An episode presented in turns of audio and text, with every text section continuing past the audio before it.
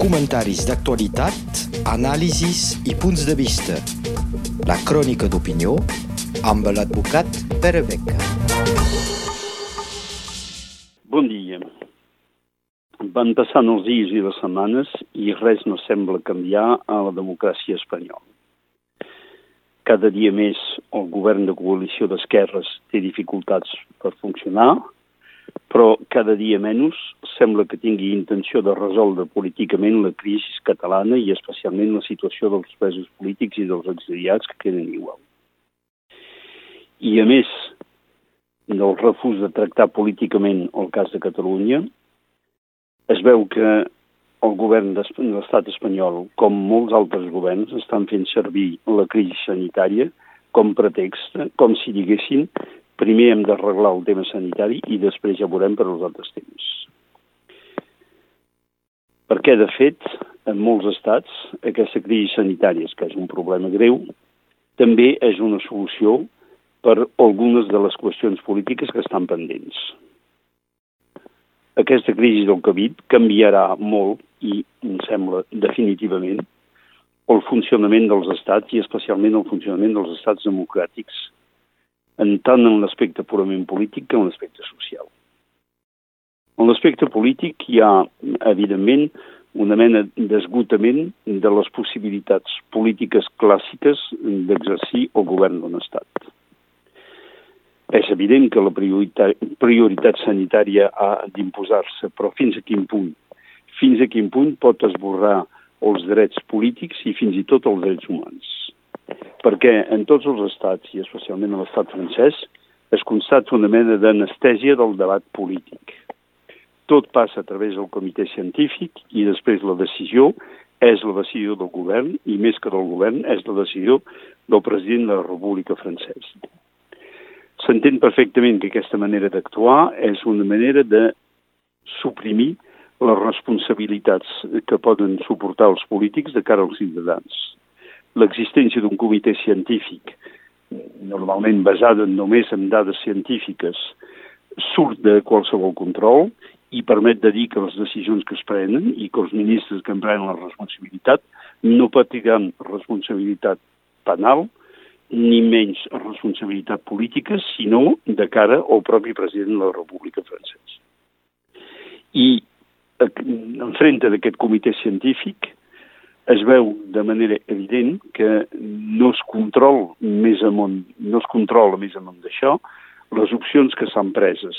Per exemple, de disminuir la capacitat hospitaliària de caràcter públic, o, per exemple, de no recórrer a la capacitat hospitaliària privada de l'estat francès, o, per exemple, també d'utilitzar les eines farmacèutiques clàssiques i no utilitzar altres possibilitats que en alguns països, a títol de prevenció, s'han fet servir.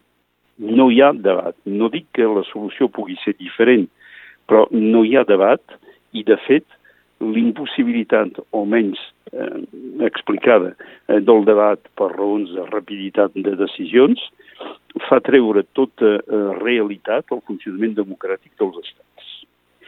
I aquí es planteja una altra pregunta més àmplia.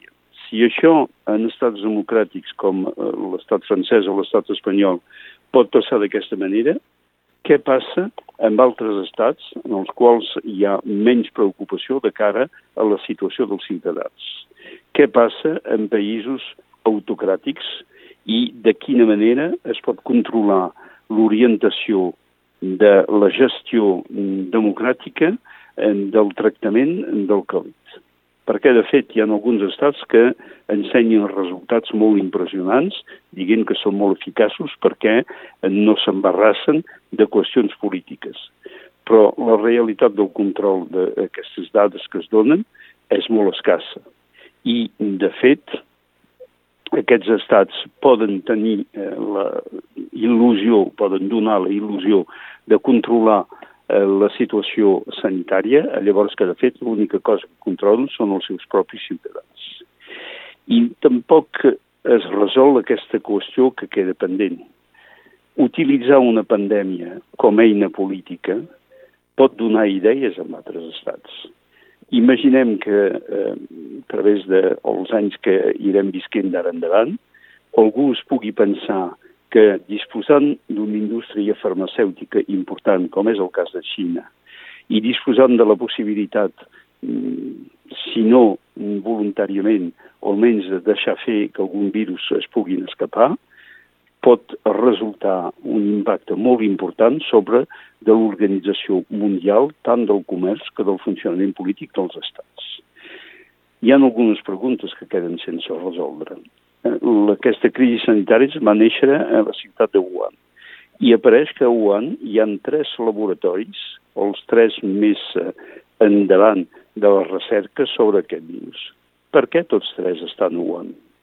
I per què tots tres que estan a Wuhan han sigut financiats per fons d'Estats Units i de França per un d'ells? És a dir, per què es va traslladar a un lloc únic del món la possibilitat de tenir un risc sanitari tan important i la possibilitat de veure que també la solució estava en el mateix lloc. Això és una pregunta que em sembla molt important per l'equilibri polític de més endavant.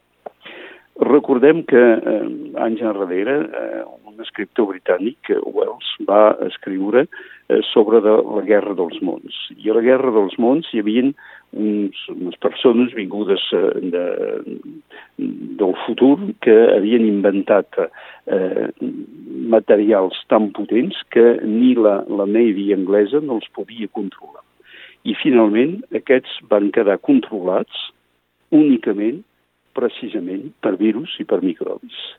És a dir, que aquesta visió una mica futurista s'està convertint en una visió política realista de cara a la manera que els estats estan tractant aquesta situació.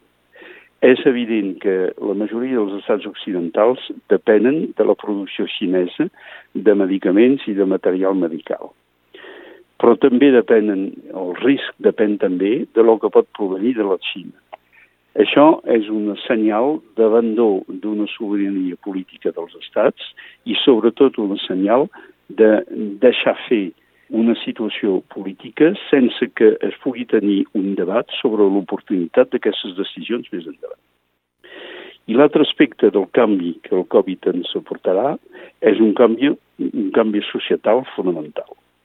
És unes noves maneres de conviure entre els ciutadans a Catalunya estan parlant de la bombolla de convivència. És una manera de crear un aïllament individual.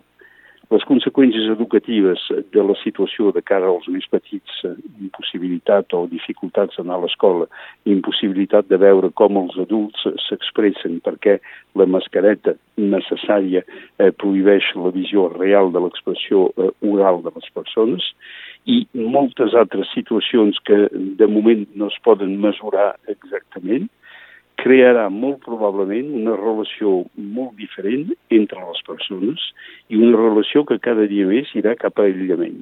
No estic ni parlant de les grans manifestacions polítiques. Eh, no veurem segurament mai més les grans concentracions de l'11 de setembre a Barcelona. Però fins i tot a la relació personal, als contactes personals de la gent, hi ha una distància, la gent es malfia, la gent té por, i això crearà, a través de la societat, si es va ampliant i continuant, una nova manera de, de relacionar-se que pot ser molt perjudiciable a la vida social. Però tanmateix, perquè com cada cosa que canvia a nivell societal té un aspecte negatiu però pot tenir un aspecte positiu, tanmateix es veu, es veu que això obre una presa de consciència sobre l'organització general de l'humanitat, l'organització política i l'organització econòmica. I sobre del fet que s'hagi fet una confiança total i indiscutible a la recerca científica portada com recerca científica sense prendre la mida exacta de les conseqüències socials que això, tot això podria tenir. I crec que pot ser això l'aspecte més positiu del Covid, és que les noves generacions es vagin emparant d'això per mirar de pensar una nova organització social i, per tant, una nova organització política que permeti de sortir d'aquesta situació impossible en la qual es trobem, de la necessitat de prendre decisions greus sense poder tenir una consulta democràtica. crec que és l'esperança que ens pot portar aquesta crisi del Covid en aquests moments i crec que més endavant ja veurem que aquesta societat que nosaltres vivíem habituada a malgastar eh, tot el que el món ens podia proveir, habituada a tenir una vida social molt expansiva, s'haurà d'organitzar d'una altra manera i s'haurà d'organitzar amb una expressió política molt diferent. Esperem que això es pugui fer a través de les generacions que es posen en plaça actualment. Moltes gràcies. Comentaris d'actualitat, anàlisis i punts de vista. La crònica d'opinió amb l'advocat Pere Beca.